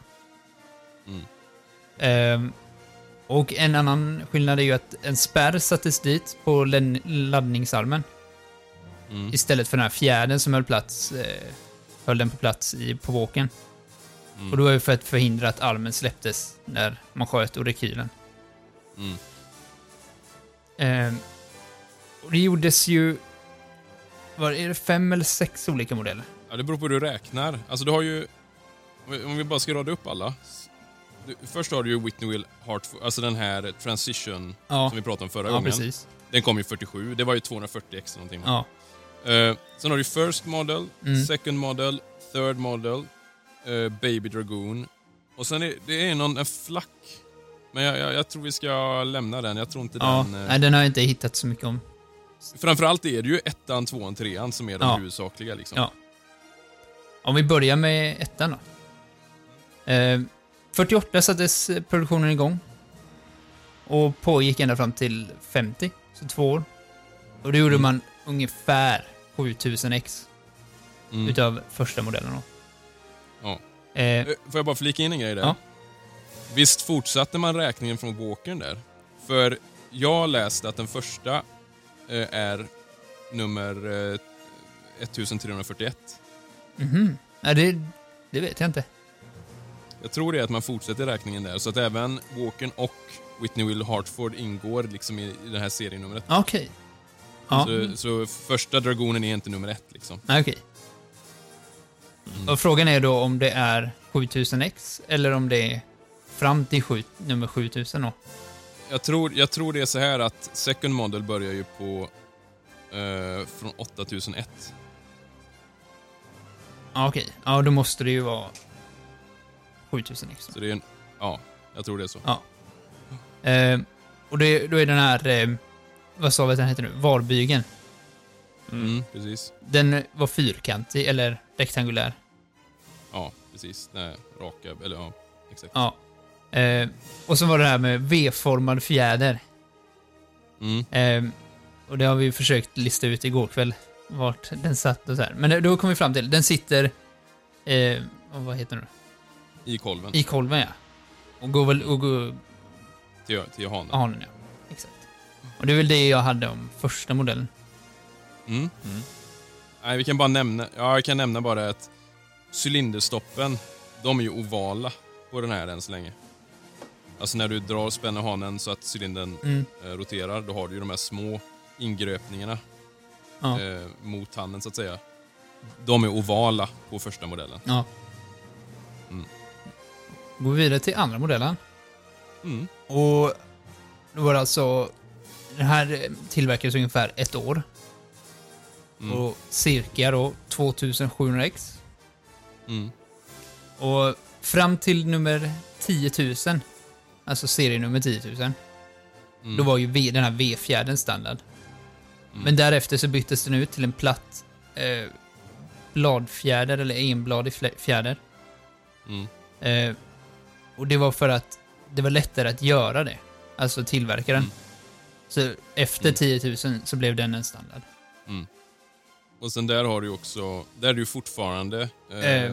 Varbygeln, Ja, den är fortfarande rak, eller, rak där ju. precis. Eh, däremot, här ändrar man ju cylinderstoppet. Nu blir det rektangulärt istället. Ja, just det. det, det funkade bättre helt enkelt. Det satte sig bättre. Men vad är det cylinderstoppet? vad är det? Ja, men den gör ju, alltså när du spänner hanen, ja det sitter ju precis på... Om du håller upp din revolver, kan jag ta en eh, modern, så ser du att det är en, på cylindern, ganska nära handen, så sitter det som små urgröpningar. Ja, just det. Ja, Det är ju de- den som fastnar liksom. Mm. Eh, ja och så la man även till en modifikation på hanen, typ som ett kullager ser det ut som, längst in på hanen, Mm. ner till. Mm. Som gör att det blir mindre fr- friktion när du spänner det. Ja. Så det i kombination med det här bladet fick väl det helt enkelt att fungera smidigare när man spände hanen. Mm. Eh, det här är också den ovanligaste, just dragonen. Att få tag på nu menar du? är, Ja, och just att det bara är cirka 2,7. Men vadå? Ja, du menar utav eh, de modellerna menar du nu? Eller? Ja, ja. Ja, jag menar det. Ja. Av, av Dragon-modellen. Ja. Mm. Mm. Och sen tredje modellen då, det är ju den som har... Det är den som gjorde flest utav. Mm. Ehm, och den tillverkade under längst tid också. 1851 till 1860. Mm. Och cirka 9000 ex. Mm. Ehm, och då kommer ju ändringen på, valbygeln då. Den blev ju rund istället. Mm. Ehm, och skillnaden med, mellan de här modellerna, är att i tredje då kan du få lite olika variationer på dragonen. Mm. Till exempel då i, ihopfällbara sikten. Mm. Eh, och sen eh, vet jag inte riktigt vad fasen det blir på svenska, men sån här stocks, du vet. Som, eh, det blir Ja, som ett gevär. Cellstöd. Ja. Ja. men som en gevärskolv ja. Ja. Precis. Eh, avtagbara sådana kan man få till. Mm. Mm. Precis. Och sen laddningsarmen, eh, den spärren som är längst fram. Mm. Innan så satt den under intill. Mm. Men nu... Fjärden, kunde var ju, få- fjärden var vertikalt då. Ja, precis. Och nu kunde man få den, Horisontell. Ja. Mm. tack. Absolut. Eh, bland annat. Mm. Och sen var det ju då att regeringen hade lagt en order på 8390 ex. Men det är ju förmodligen På hela. ja, på alltihop då. Mm. Det var lite det- det- oklart. eh, Texten är. Ja, men det, ja, men det finns ju mycket... Den fanns ju ute mycket bland civila. Ja, Och framförallt den tredje, just det här med de olika valmöjligheterna Ja. på revolvern. Mm. Det, det, det, det säger sig självt att det är mer för civila. ja. Du gör ju inte så i militären, utan eh, det var ju mest för den civila marknaden. Ja. Mm. Och så fanns det den här Pocket-modell eller Baby Dragoon. Mm, Och den är ju, alltså det är inte jättemycket att ta upp om den. nej. Det, det jag hittade någon bild. Och då är det ingen laddningsarm på. Nej, precis. På, väl på vilken? På den lilla? Eh, Baby Dragon. Ja. Baby Dragoon, ja. Ja. Mm. Jag vet inte vad det är, tre eller någonting. Det är ganska kort pipa. ja. Det är väl inte fyra och tre kvarts? Nej. Sju och en halv var ju standard på Dragon överlag. Ja. Ju. Ja. Och sen eh, som sagt, som du sa, tredje, då är det ju... Du kunde gå ner till under sju eller upp till åtta och åtta och en halv eller något sånt där. Ja. Eh, vet ni vad en... Eh, generellt sett vad en Dragon kostade? Då menar du? Ja, Nej. Oj, vad var det vi snackade om när single action kom? Vad var det den kostade nu igen? 25 va? Var det det? Vem är det? Eh, och det här var ju ganska mycket tidigare då ja. 30 år tidigare. Nästan. Mm. Ja, Ja. jag vet, ja, ja inte riktigt då, men alla okej då, jag vet inte. Fem, ja 20 då. ja, 21 dollar kostade den först och sen vid slutet av produktionen kostade den 20. Mm. Eh, gemene man har jag kollat nu. Alltså generellt sett, om man just säger det väldigt generellt nu då, vad, vad tror ni man tjänar i månaden ungefär? Du menar Lite medel, oavsett yrke då. Medellön? Mm. Ja, men I månaden? Det har vi ju haft någon fråga ju. Ja, cowboys tror jag var ganska väl Men det var ju faktiskt. senare va? Nu tänker du ju tidigare här. Mm. Ja, jag vet. Ja, vad fan var det där då? Ja, låt säga 15 då. 8 dollar. Ja, jag tänkte säga 8-9 Oj. dollar. Mm. Så tänk dig då att köpa Tre den liksom. månadslöner då. Ja. Ja, ungefär, nästan. Mm. ja. Ja. Men Jag tänkte vi tar... eh, Vi, vi pratade lite historia om eh, Samuel Colt förra gången. Mm. Om Walker. Mm. Vi kan ta lite fortsättning på det. Mm. Mm. Eh, så 48 då. Han... Det hade vänt lite för honom efter Walker. Mm. Eh, eh, så han köpte ett stort område land. Där han startade sin första fabrik där vid Connecticut River. Mm. 55 så omvandlades företaget till Colt Patent Firearms Manufacturing Company i Hartford, Connecticut. Mm. Eh, 55 så kom han även med en ny större fabrik som kallades för Cart, eh, Colt Armory. Mm. Eh, 56 så hade, de byggt färdigt en, hade han byggt färdigt en herrgård som kallades för Armsmere. Eh, och en del bostäder där, så anställda kunde bo. Mhm. Eh, att arbeta på Colts fabrik, fabrik, det var, det var riktigt trevligt. eh, nej men det var, det var ändå rätt bra för att vara den här tiden. Eh, om man tänker så här gamla historier om, men, innan... Dåliga arbetsförhållanden. Ja, precis. Mm. Mm. Det är tio timmars arbetsdag. Eh, en Mm. timmes lunchrast. Eh, och de hade installerat så här eh, washing stations, jag antar att det liksom tvättar av sig, Mm. eh, inne i fabriken. Och sen har de även öppnat upp en grej som kallas för Charter Oak Hill. Eh, Va, vad sa du? Charter? Charter Oak Hill, Jaha. Mhm. Mm. eh, där anställda kunde träffas för att ja, spela spel och läsa tidningen eller bara sitta Oj. och snacka skit ja, typ, det i ett låter utav väldigt... diskussionsrummen. Låter unikt för Ja. den tiden. Men han hade nästintill militärdisciplin på fabriksgolvet. Mm. Han kunde sparka folk för, för att de hade varit tröga eller om de föreslog förändringar på hans vapen. Liksom. Mm. Ja, det låter ju... Han låter som en fantastisk man. Ja, Mm. Mm. Mm. Eh, om man kort ska lista förbättringarna gentemot Walker här nu då. Vad skulle, vad skulle man säga då? Vad som gör Dragoon bättre? ja men dels är det väl det där med krutet. Mm. Med mindre risk för att, Ja. eh, alltså, att det sprängs. Ja, precis. Ja, sä säkrare helt enkelt. Då. Ja. Ja, Ladd, laddarmen, laddar med ja. Mm. kortare pipa, Mm. Lite lättare. förbättring. Ja, lite lättare. Ja, sen det här med hanens funktion, att det är mindre friktion där. De här eh, notches, alltså vad heter det, eh, cylinderstoppen, Mm. var pålitligare. Ja. Ja. Så överlag en mer pålitligare revolver, Ja. lättare att använda, säkrare. Men det finns en nackdel, där den är sämre. Ja, inte lika kraftfull. Ja, det är såklart. Och räckvidden är ju sämre. Det är ju 20 meter Ja. sämre egentligen. Ja. Ja. Mellan, det är ju ungefär runt 70 drygt på den här. Och det är ju 90 drygt kanske på Walker. Det här blir ju mer en, en, en, ett närstridsvapen med tanke på att alltså, Walken var ju mer en kanon i handformat. Mm. Mm. Så Ja. det här blir ju mer en, en eh, alltså som en revolver är tänkt. Ja. Ja. Mer i när, närstrid ändå. Ja. Mm. För menar, du bar ju fortfarande i militären, du bar ju fortfarande i gevär. Den var ju tänkt Ja, ja, ja. Nej, nej, precis. Precis. Mm. Vi hade vi några kända... Ja, om vi ska ta i film då återigen, då är det ju Gus McRae. Ja, Eh. eh, True Grit. Den gamla. Ja, Nej, vänta den nu. var i bok. I bok Han- nej, tvärtom. Ja, ja, Han precis. säger att det är... Ja. En Dragoon, fast det är en Walker. Så Ja. är det. Jag tror också att Hickok har haft Dragoon, har jag läst någonstans. Det är möjligt. Men då är det ju den nya True Grit så har hon ju antagligen Dragoon då. Dragoon, ja. Mm. ja. Rimligtvis. Nästa, nästa revolver i nästa avsnitt borde tämligen bli eh, Navin. Ja, det är vi. Dox. Dox. Ja, Ja. Picka. så det blir spännande fortsättning följer.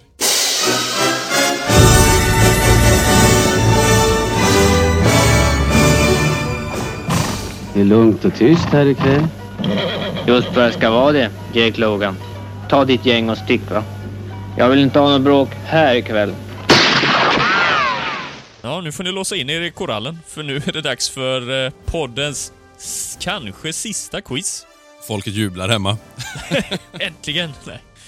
Eh, nej, då är det jag som har skrivit frågorna i alla fall ju. Eh, vem har den äran att eh, svara först? Jag tror att jag brukar svara först i vår. I vårt lilla gäng. Ska jag ta mig då? Vadå, är det Jaha, alltid så? Ja, ja, jag, jag tänkte tvärtom. Ja. Att vi kanske ska byta. Ja. Jo. Visst. Visst. Hör du vad jag säger nu? Ja. Mm. Är du redo? Nej, Ja. men kör nog. Okej. Vad var Stetsons originalhatt tillverkad av? Ja. Men, eh, Är det ull? Vad sa du? Hund? Ull? Ull? Frågar du eller svarar du? Nej, jag frågar mig själv. Ja, men vi, vi chansar på ull då. Det lär ju vara något Mm. annat. Eller så tänkte du att du skulle vara så här lite filt av ull, gissar jag på. Mm, mm. Mm. Eh, två. Vem sköt Vilde Bill Hickok. Åh nej! Jag har precis sett Deadwood. Borde ju kunna det.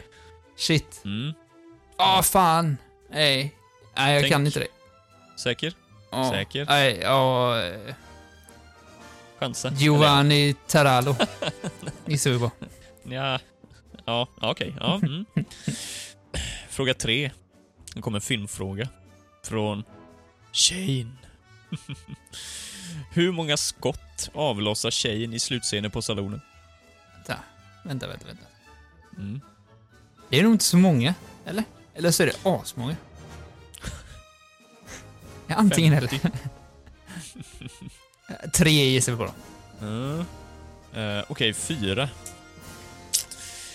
Var Morgan Earp någonsin Deputy US Marshal? US Marshal. Deputy, ja. Ah, Deputy, nej. Deputy US Marshal. Och det här är min... min... Ja. Eh, nej, jag tror han, han var nog bara US Marshal. Alltså, han var inte deputy någon gång. Eller? Nej, vi chansar på det. Fan vad jag kommer att äta upp det. ja. Eh, mm, sista nu då. Mm. Nu, en återkoppling till avsnitt nummer tre. Du vet den där om Oregonleden, som du kan så bra. Vilka 3800. Ja, nej. Vilka nutida amerikanska stater gick Oregonleden genom? Och nu syftar jag på huvudleden som ut, utgår från Independence, Independence in Missouri alltså. Nutida stater. Ja. För det var ju territorier och sånt innan då. Men vilka... Om det är huvudleden alltså. Oregon var ju en stat. Låt säga så här då. Vad sa du? Oregon, var ju en stat. Ja, alltså det räknas ju. Ja, då var det väl... Ja, det beror på hur man räknar. Skitsamma, men ja, den är ju en... Den är ju en stat. Det är ju nutida stater då. Mm. Så ska jag nämna dem också? Jag kan ju ingenting. Ja, men ja.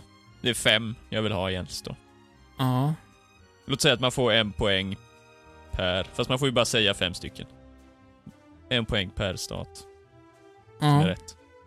Eh, North Dakota. Minnesota. Jag vet, jag kan ju bara södra delstaten alltså. Ja. Minnesota är ganska långt upp. Jo, jo. Men eh, utöver dem? Ja. Ah, nej, jag kommer fan inte på fler.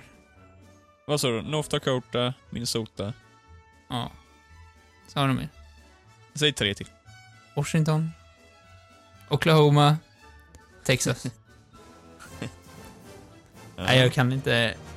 Jag kan inte några delar. Nej, ja, det är ju väldigt mycket norr, nordväst. Men... Jo. Eh, mm. Mm. Ja. Alltid lika kul. Va?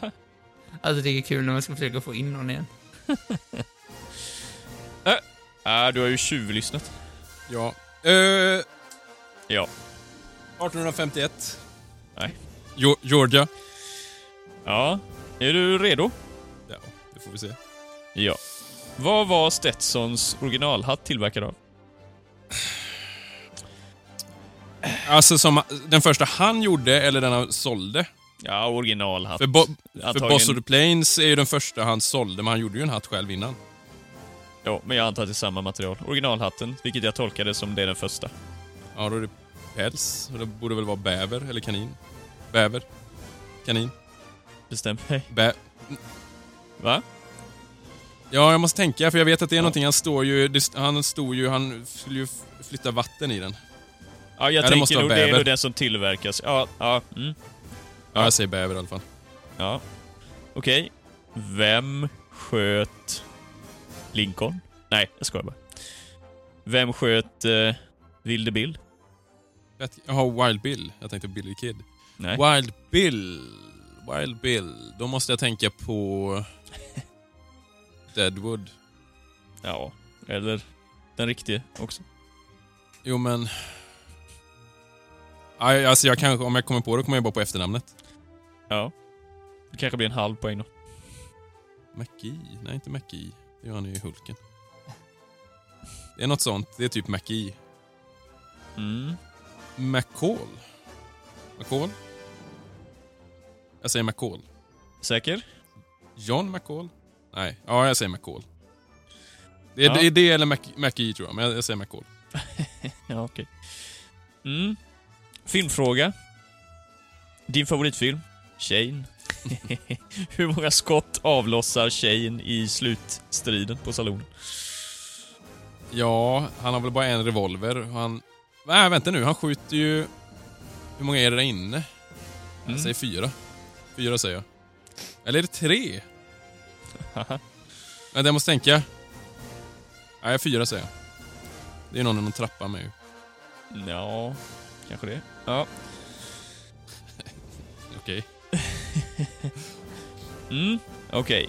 Fråga nummer fyra. Var Morgan Earp någonsin Deputy US Marshal? Nej. Eh, okej, fem. Vilka nutida amerikanska stater gick Oregonleden igenom? Och nu syftar jag alltså på huvudleden, den som utgår från Ja, Independence. men helvete. Nutida... Vadå, var det an- andra stater då menar du? Nej, men alltså det var ju territorier och delvis. Men alltså det som är de nutida, det är ju i princip samma. Men Oh. du får, alltså du får säga fem stater. Och det är fem jag vill ha. Sen får du en Ja, poäng men för då, är, är, det, är det fem stycken ni går igenom? Ja, mer eller mindre. Ja men helvete. Och du får ju säga fem. Och du får en poäng för varje rätt start. Den här jävla bergskiten. Ja, det är Oregon såklart. Ja, det är en. Som du har sagt. Sen måste det vara de här jävla... Berget och det, när de där... Det måste ju vara Idaho. Jag måste tänka kartan. Mm. Oregon ligger ju där uppe. Så ligger ju Idaho typ här eller där. Och sen kommer typ Montana, fast det måste vara högre upp va? Vad är det sen? Är det typ Utah eller Colorado? Nej, Wyoming. Wyoming måste vara med. Oregon har du sagt. Ja, Idaho, Wyoming. Ja, Vad fan börjar den då? det sa ju. Är det i... Sa du? Independence, Missouri. Fast, ja. Det räknas Men ju det får jag med inte den. Nej, alltså, nej. Nej. Utan det är ju Missouri. vidare sen. Det är ju i kanten liksom. Ja, vad ligger bredvid där då? Typ Iowa? Nej. Sa vi Iowa verkligen? I avsnittet Kans Kansas? Kansas kanske? är det en av de fem. Ja, vilka har jag sagt nu? Oregon, Idaho, Oregon har jag hört. Wyoming. Wyoming. Har du inte skrivit Oregon? Nej. Jo, Oregon, Idaho har jag skrivit. Du vill ha Ja, med Wyoming. Wyoming? Ja, Kansas. Då är det en kvar. Säg... Sa Ja, är det någon Dakota? Antingen är det någon Dakota eller typ Nebraska. Borde vara där någonstans. Nej, jag vet inte. Jag säger South Dakota. Jag vet inte. Mm. Då är det färdigt. Ja. Ja. Jag har inte räknat ihop det än. Det ska bli spännande att göra det här nu. Jag kollar på kartan nu. Ja. ja, i alla fall första frågan då. Och så Oskar Ullfilt. Och du sa bäver. Ja, det ska vara bäver. Mm. Så det är ju en där då. Eh, och sen var det den som sköt Hickok. Och det är ju Jack McCall. Vad sa jag? John McCall. Ja, Magi. Mr Magi. Mr Magoo. Ja! Ja. McGee Hulken, ja. ja. Ja, det blir en halv där då. Eller ja. ja. Den satt långt inne alltså. Ja, det är ju ändå ganska bra. Fråga tre. Hur många skott avlossar Shane, ja? Två mot Wilson. En mot Riker. Det vill säga gubben. Eh, och ett mot hans bror. Så Ja, fyra är tre. faktiskt... Nej, fyra. Ja, med Två tre mot Wilson. personer. Ja, ja, jo. Men fyra är rätt. Mm. Faktiskt. Oskar, du sa tre. Ja. Ehm, och sen är det då om Morgan Earp någonsin var Deputy US Marshal. Alltså båda nej. Men det var han. Det är lögn. Nej, men tydligen stod det eh, när han eh, blev skjuten. Står det i en tidningsrubrik, just Deputy US Marshal. Morgan. Jo, fast var han det verkligen? Är det inte fel? Är det inte att det var bara Deputy Marshal? Ja. Får du kolla upp din fakta ordentligt? Ja, ja det, Så ni- Jag tolkar det som ett ja. Nej, Ja, det var nog fel. Ni har oavsett samma poäng på den. Men... Eh, ja, sen var det den sista då. Det var ganska bra ändå. ja. Vem? Vad är det? Oregon, Idaho, Wyoming, Colorado, Kansas, Missouri. Du, ja, Eller är det Nebraska? Istället för Colorado. Emil hade alla rätt utom Nebraska som du nämnde, men du tog aldrig med den sen. Du tog South Dakota istället. Annars var det rätt. Fan. Jo. Oregon, Idaho, Wyoming, Kansas, Nebraska. Jag missade att du sa Missouri först. Ja. Men Oskar, du hade nog noll på den. Jag sa väl Oregon? Nå, inte på listan sen. North Dakota, Minnesota. Ja, skitsamma. Du får en poäng för Oregon, oavsett. Tack, tack. Nej, då får jag det till... Jag får det till 6,5 till Emil och en till Oskar.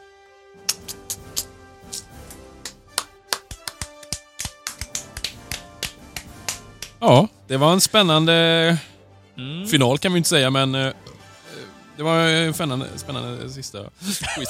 Svåra frågor. Ja. Ja, jag tyckte det var hyfsat bra frågor en del. Ja. Mm. Då får vi se om det återkommer något eh, quizaktigt i framtiden, kanske blir på ett annat sätt. Mm. Mm. Mm. Eh, diskussioner med kanske. Ja, vi har varit inne på det möjligtvis. Man får... Man skulle ju kunna göra när man har en gäst till exempel, skulle man ju kunna, att den får svara. Någon tävling någon gång ibland skulle vi kunna köra. Men eh, kanske Mm. inte just quiz. Frisbeegolf. Precis. Ja, Nej, men Fånga med lasso. eh, vi sa ju det, vi kanske ska börja göra mer filmklipp också till Instagram och Facebook där vi testar Mm. grejer, typ lassokastning eh, och så vidare. Det kan vi faktiskt ti- tipsa om redan nu ju.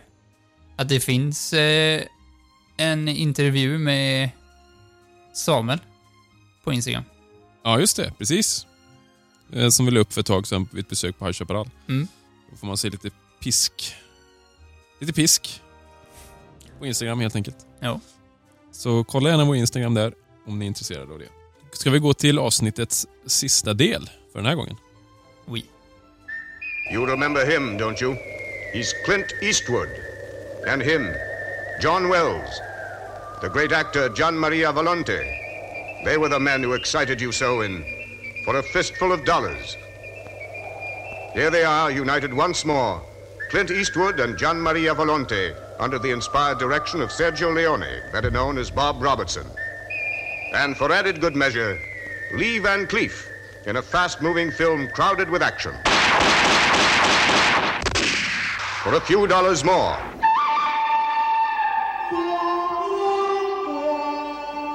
I förra avsnittet, så, eller förrförra om vi ska vara petiga, så pratade vi ju om eh, eh, För en handfull dollar, första filmen i dollartrilogin. Eh, och gick igenom ganska djupgående då uppkomsten till hela verket och så vidare. Eh, idag tänkte vi väl inte gå in lika djupt egentligen på nummer två i trilogin. ehm, för eh, några få dollar mer. Men eh, vi tänkte prata lite grann om den. Och en, en liten kort recension. Mm. Eh, är det någon som vill ta handlingen lite kort eller? För de som mot förmodan inte har sett filmen. Vilket jag tror i och Inte för de sett det. flesta. I korta drag ska ju eh, eh, Clint Eastwoods karaktär, eh, Manco och eh, Lee Van Cleefs karaktär, som jag inte minns vad han heter, K- eh, Colonel Mortimer va? Nej, nej. Mortimer. Eh, Nej, det är Douglas tre. Mortimer. Ja. Mortimer, jo. Ja. Mm. Ja. Eh, de är ju prisjägare och eh, ska ju efter eh, eh, El- mexikanen, vad heter han? El Indio. El Indio, som spelas av eh, samma skådis som i första filmen. Gian Maria Volonte. Ja, som den här gången faktiskt inte är dubbad va? Utan den här gången pratar han med själv. Ja, det är svårt att se. Ja, ingen aning faktiskt. Kan, värt att nämna kan vi säga kanske att ingen av oss har sett filmen nyligen, utan det var ett tag sedan. Jo, Emil. Ja, jag såg den i och för sig igår. Du gjorde det igår? Ja, ja. ja det är ju bra. Nej, det gjorde jag inte. Jag skulle, nej, jag skulle gjort det, men jag, nej, jag skulle gjort det. Men jag gjorde tänkte med det, men jag Eh. orkade inte riktigt. Men O- Oscar och jag såg den i, i våras. Jag såg den i maj senast. Precis. Ja, man har sett den ett par gånger, så att... Ja. Nej, men det, det är ju en rivalitet till en början va? Mellan eh, Clint och Lee Van Cleef, kan man säga. Vi har ju den här ökända skjuta hatten-scenen till exempel. Mm. Mm. Och sen eh, slår de ju sina påsar ihop. Gamlingen och ungdomen, fast det skiljer fem år mellan dem. jag tycker ju att det här generellt sett... Eller jag brukar ju se det här som den bästa filmen. Mm. Som någonsin har Eh, gjorts. Jag tycker... Ja, av alla någonsin. Nej men i trilogin tycker jag ju... Den här har jag alltid tyckt är bäst. Jag tror att det är för att...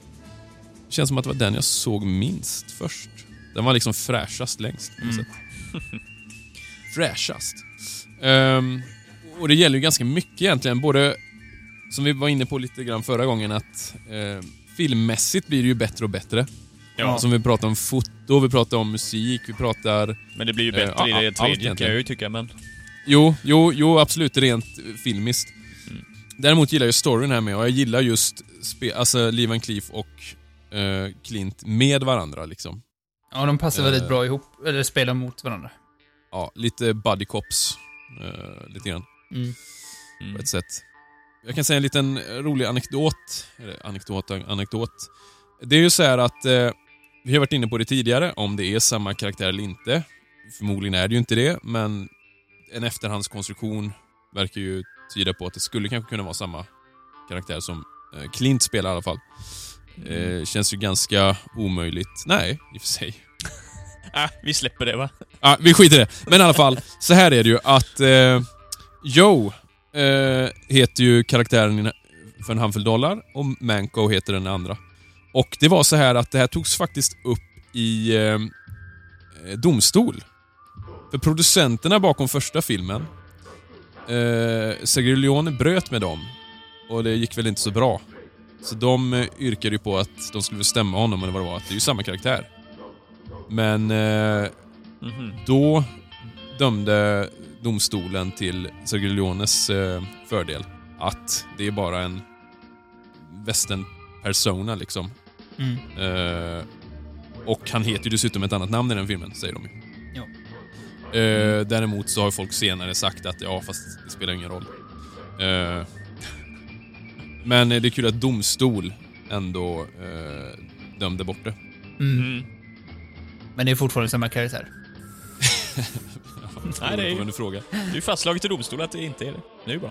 Också lite kul med Lee Van Cleef, efter den här filmen så gör ju han flera spagettivästern och får lite uppsving i sin kar- eh, karriär. Sabata! Jag tror de senaste... Eller vad heter Ja, det? Bland annat. Som jag inte har sett. och senaste filmerna... Nej, jag har nog inte heller. Du såg ju någon skitdålig film igen, Oskar ju. Ja, och vad heter den då? Ja, någon sent 60-tal. Ja, 67. den var... Nej, den var inte bra. Ja. Två år efter den här med andra ord. Eh, Men i alla fall innan detta, Ja. det var, jag tror det var eh, How the West Was Won och... Eh, Day of Anger. Så. Day Ja, of Anger, det. Mm. Men How the West Was Won och sen vad heter den? Den Eh, som, som han gjorde innan menar du? Ja, Ja, vad heter den med Hen- Henry Fonda? Med Henry Fonda? Ja, vänta nu. eh, Den från 50-talet med Anthony Perkins, Eh, eller nej? Ja, precis. Du nämnde ju den förut. Just det, där. Ja, Ja. men han, han har ju alltid innan spelat, mest på grund av hans lite speciella utseende då, med högknäsa och kisande ögon Ja. och fårat ansikte. Han har ju spelat, ja, skurk. Eh, alltså Ja. aldrig, aldrig huvudroll i princip, utan ofta.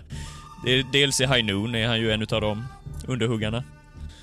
Ja. Eh, I den eh, Liberty Valance är han ju också Liberty Valance underhuggare, Mm. Ja. bland annat. Han, han hade ju bara små roller egentligen på 50-talet kan man ju säga. Mm. Också. Ja. Ja. Så han, han, han blev ju så förvånad för här tydligen så eh, hade han eh, typ blivit alkoholist här. Och hade ju inga jobb så han blev jätteglad när han fick eh, den här rollen. Och han trodde bara att det var en liten cameo-roll liksom. Ja. Så han blev jätteförvånad när han kom på inspelningen. Han hade väl inte läst manus eller någonting fattar jag det som. Och fattade oj, jag är ju huvudkaraktär. Mm. Och den här, det var ju den rollen som gjorde att han fick, att det gick uppåt sen liksom. Men jag Ja. ville ju egentligen från början ha Fonda som den rollen, som jag förstår det. Alltså i Mortimer-rollen. Eh, ja, ja, ja precis. Han vill hela Och, tiden ha eh, Fonda, men han får han ju inte förrän i fjärde film. Ja, och det är samma sak igen. Han gick igenom de andra, för sen gick han igenom Charles Bronson och han var inte intresserad. Lee Marvin och han vägrade för han hade skrivit på... Eh, vad heter den då? Cat Ballow... Någonting. Skjuter skarpt heter den på svenska tror jag. Ja. Eh, och efter det som eh, Leone erbjöd Lee Van Cleef-rollen då. Mm. Mm, så det är lite roligt ändå. Ja. Ja. han är ju bra karaktärsskådis, tycker jag i alla fall. Ja, det är något speciellt med Lee Van Cleef faktiskt. Det är likadant i Flykten eh, från New York också. Mm. Han är ball. Jo. Eh, men om vi tänker, jag tänker likadant, musiken i den här. Eh, jag tycker ju mycket mer om temat i den här än i förra. Ja, för, min, för min del så är just huvudtemat, utan om man ser på trilogin så musikmässigt så är ju det här det bästa huvudtemat, tycker jag. Ja, Däremot det- så tycker jag ju... Huvudtema ja. ja Ja, absolut. men däremot tycker jag ju, vad heter den då, i trean? Go- Eh, eh, Ecstasy, of Ecstasy of Gold, Gold. är helt klart den bästa Mm. Ja. musiken som han har skrivit. Ja. Och vad jag tänkte säga med... Jo, vet ni varför han heter Manco? Ja, vänta. Enarmad va? Ja, är Ja. det inte något... Jaha, okej. Jo. Det betyder, det Okej. spanska, det betyder typ lame of one hand eller one-handed. Ja. Eh, för han gör ju allt med den andra handen förutom att skjuta. Har allting med vänster det- förutom att skjuta. Ja, precis. Så det var ju det som folk eh, tänkte att han blev skadad i högra handen i... i eh, Första filmen. ja. Eller? Ja. Ja. Så om det skulle vara... Det är ju det som är lite oklart om man ska kolla det kronologiska. Vi vet ju att trean utspelar sig först. Jo. Att det är inbördeskriget. Eh, och det, här, det man vet med de här är att de är efter 73 i alla fall. Mm. Båda ettan och tvåan. Mm. Men eh, i stora drag en väldigt, väldigt bra film. Det här är ju en av mina go-to-filmer när jag ska börja min liksom westernperiod. Ja. Eh, jag ser ju inte alltid nödvändigtvis hela trilogin, utan jag ser ju den här. Om jag, ska, om jag bara ska se en av dem är det den här jag ser. Faktiskt. Mm. Och jag brukar, jag brukar köra ettan och tvåan, men så brukar jag hoppa trean. Faktiskt. Ja. Simon gör tvärtom. Han ser bara trean. Ja, tvåan och trean i så fall. Jag kan hoppa ettan. Mm. Jag tycker jag är klart sämst. Av de tre. Tror du det här kommer gå i vågor med vad man tycker? Jag kan gissa att jag kommer tycka trean är bättre igen snart. Eh, det är ju den här inbördeskrigsdelen jag tycker är så jävla tråkigt på. Ja, det, det är lite segt kan jag också hålla med om egentligen. Mm. Vet jag inte riktigt varför. Men Ja, men är det inte det överlag? Jag brukar ju tycka det, alltså nästan alltid i alla jo, det är någonting smått deprimerande över... Det är ju mer, det är mer militär än, än western cowboy, alltså den biten. Det är Ja. ju mer den. Jag har ju inget intresse av militärbiten under... Krigsfilmer. Nej, precis. Jag hatar ju krigsfilmer liksom. Mm. Eh, så det är nog det mycket. Ja. Det var ju likadant i How the West Was Won, det är ju, tycker jag utan tvekan den sämsta delen. Och likadant serien How the West Was Won i eh, liksom eh, pilotavsnittet. Jo, Det var den delen är ju jävligt tråkig och en stor del av det. ja, jag håller nog lite med där faktiskt. Men det, det, det är väl inte så mycket, det är väl det. Det är ju inte väst. Det är liksom... Det är inte det jag förknippar med västern i alla fall. Nej. Vill jag se en krigsfilm, då ser jag en annan film. Das Boot. Ja, det är dumt. Ja, precis. Mm. Ja. Ja. Men om vi bara ska... Har vi något kort att tillägga om den mer då? Ja, jag har en grej som jag borde nämnt i förra avsnittet egentligen. Lite rolig grej som jag egentligen inte kände till innan alls. Jag vet inte om ni har hört talas om det, Mm. men när eh, den första filmen, nu handlar det ju egentligen mer om den då, men när den släpptes på TV på 70-talet så spelade de in en eh, TV-prolog. Känner ni till det? Nej. Nej. Med Harry Dean Stanton som någon eh, lägervakt. Eller fängelsevakt. Och när någon Ja. som spelar Clint, fast man får aldrig se hans ansikte, sitter, och då får han ju alltså order om att han ska mer eller mindre infiltrera de här gängen. Jaha. Ja, Oj, vad konstigt. Fan. Ja. Men vadå, det var en amerik amerikansk Ja, ja. idé? ja. Det är Harry Dean Stanton är den här fångvakten då. Jaha. Som Shit. sitter ner vid ett bord och så får man se honom sitta och röka.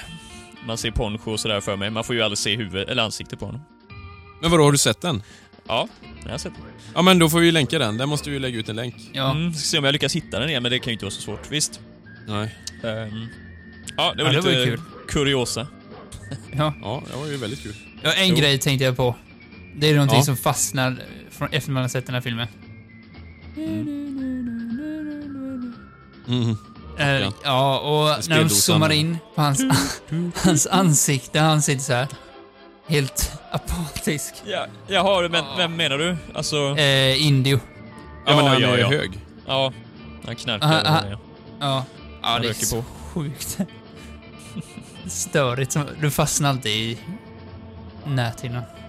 Mm. Mm. Ja, den är lite psykedel. Han, han tar ju svängarna ut ytterligare i den. Mm. För att sen göra det, ja, det, det är sin kulmen nästan i uh, harmonika. Ja, precis. Det är ju där det är ännu mer utdraget och extremt Mm. stilistiskt. Kanske så man ska göra. Vi kanske ska göra en svensk där vi har eh, lite David Lynch, 20 minuter liksom ur en vinkel bara. Närbild på ens ögon. Ja. Eller kor som går och betar. Eller får. Ja. ni ser. Det kanske är det som är nästa projekt. Västernpodden gör film. Eh, ja, om vi ska ge poäng då. Betyg menar jag. Simon? ja, det är svårt. Det är... Nej. Parodi på mig själv. nej, men... Eh, ja. Jag tänker hela tiden gentemot andra västernfilmer nu. Jag har för mig att jag satte förra, måste jag satt 3,5 på, misstänker jag. Ja, tror det. Mm. Den här är ju bättre, så den borde ju rimligtvis få högre betyg. Eh, I- i- men... men ja, fyra landar jag väl på här då. Jag satte en femma på förra och jag tycker den här är bättre, så det blir en femma på den här med. Oj, det borde bli mer. Ja, men Alltså, det är ju en av mina westernfavoriter, så jag skulle nog säga... Jag säger fyra och en halv faktiskt. Eh, I nästa avsnitt så kommer vi recensera den gode, den onde, den fule. finalen. Finalen ja, och ta upp nästa Colt-revolver. Eh, vi har inte riktigt bestämt vilket tema det ska vara huvudtemat på avsnittet, så håll koll på sociala medier så kanske ni får en hint om i förväg vad det kan handla om. Västernpodden på Facebook och Vastenpodden på Instagram. Eh, och som sagt, man kan ju prem- prenumerera både på, jag tror man kan göra både på Spotify och eh, iTunes Ja, och Soundcloud. podcaster och på Soundcloud också va? Ja. Ja, och sen om det är någon som har tips och idéer och tankar och frågor så får man jättegärna skriva och kommentera. Mm. Någonstans på dessa kanaler. Ja. Det är ju bara kul. Ni är ganska duktiga på det med att höra av er, alltså på mail och sånt till oss. Ja. Och det svarar vi gladeligen på. Jeps. Eh, Mm. Jo, vi kan ju säga det, de här tröjorna har vi fått lite kommentarer om. Ja, just det. Det kan vi nämna kort bara. Vi har ju, jag har ju designat några olika eh, motiv med eh, Doc Holiday, Örparna, ja sen gjorde jag en till Erika med The Fighting Calamity Herbs. Jane. Ja, The Fighting Som kallas. precis. Eh, vi, vi har en på Newton Earp som vi tänkte göra. Nej men, eh, eh, och då har ju, har ju frågan kommit om eh, var man kan köpa dem. Och än så länge så har vi ingen bra, vi jobbar lite på hur vi ska göra det på ett smidigt sätt. Men vi är inne på att vi kanske tar, i så fall tar upp beställningar under en begränsad period längre fram, eller vad sa vi? Ja, precis. Mm. Och sen... Kolla intresse och beställer Ja, efter det, så man får ju liksom boka i förväg så att säga. man kanske inte får tröjan ja, direkt efter man beställt den liksom.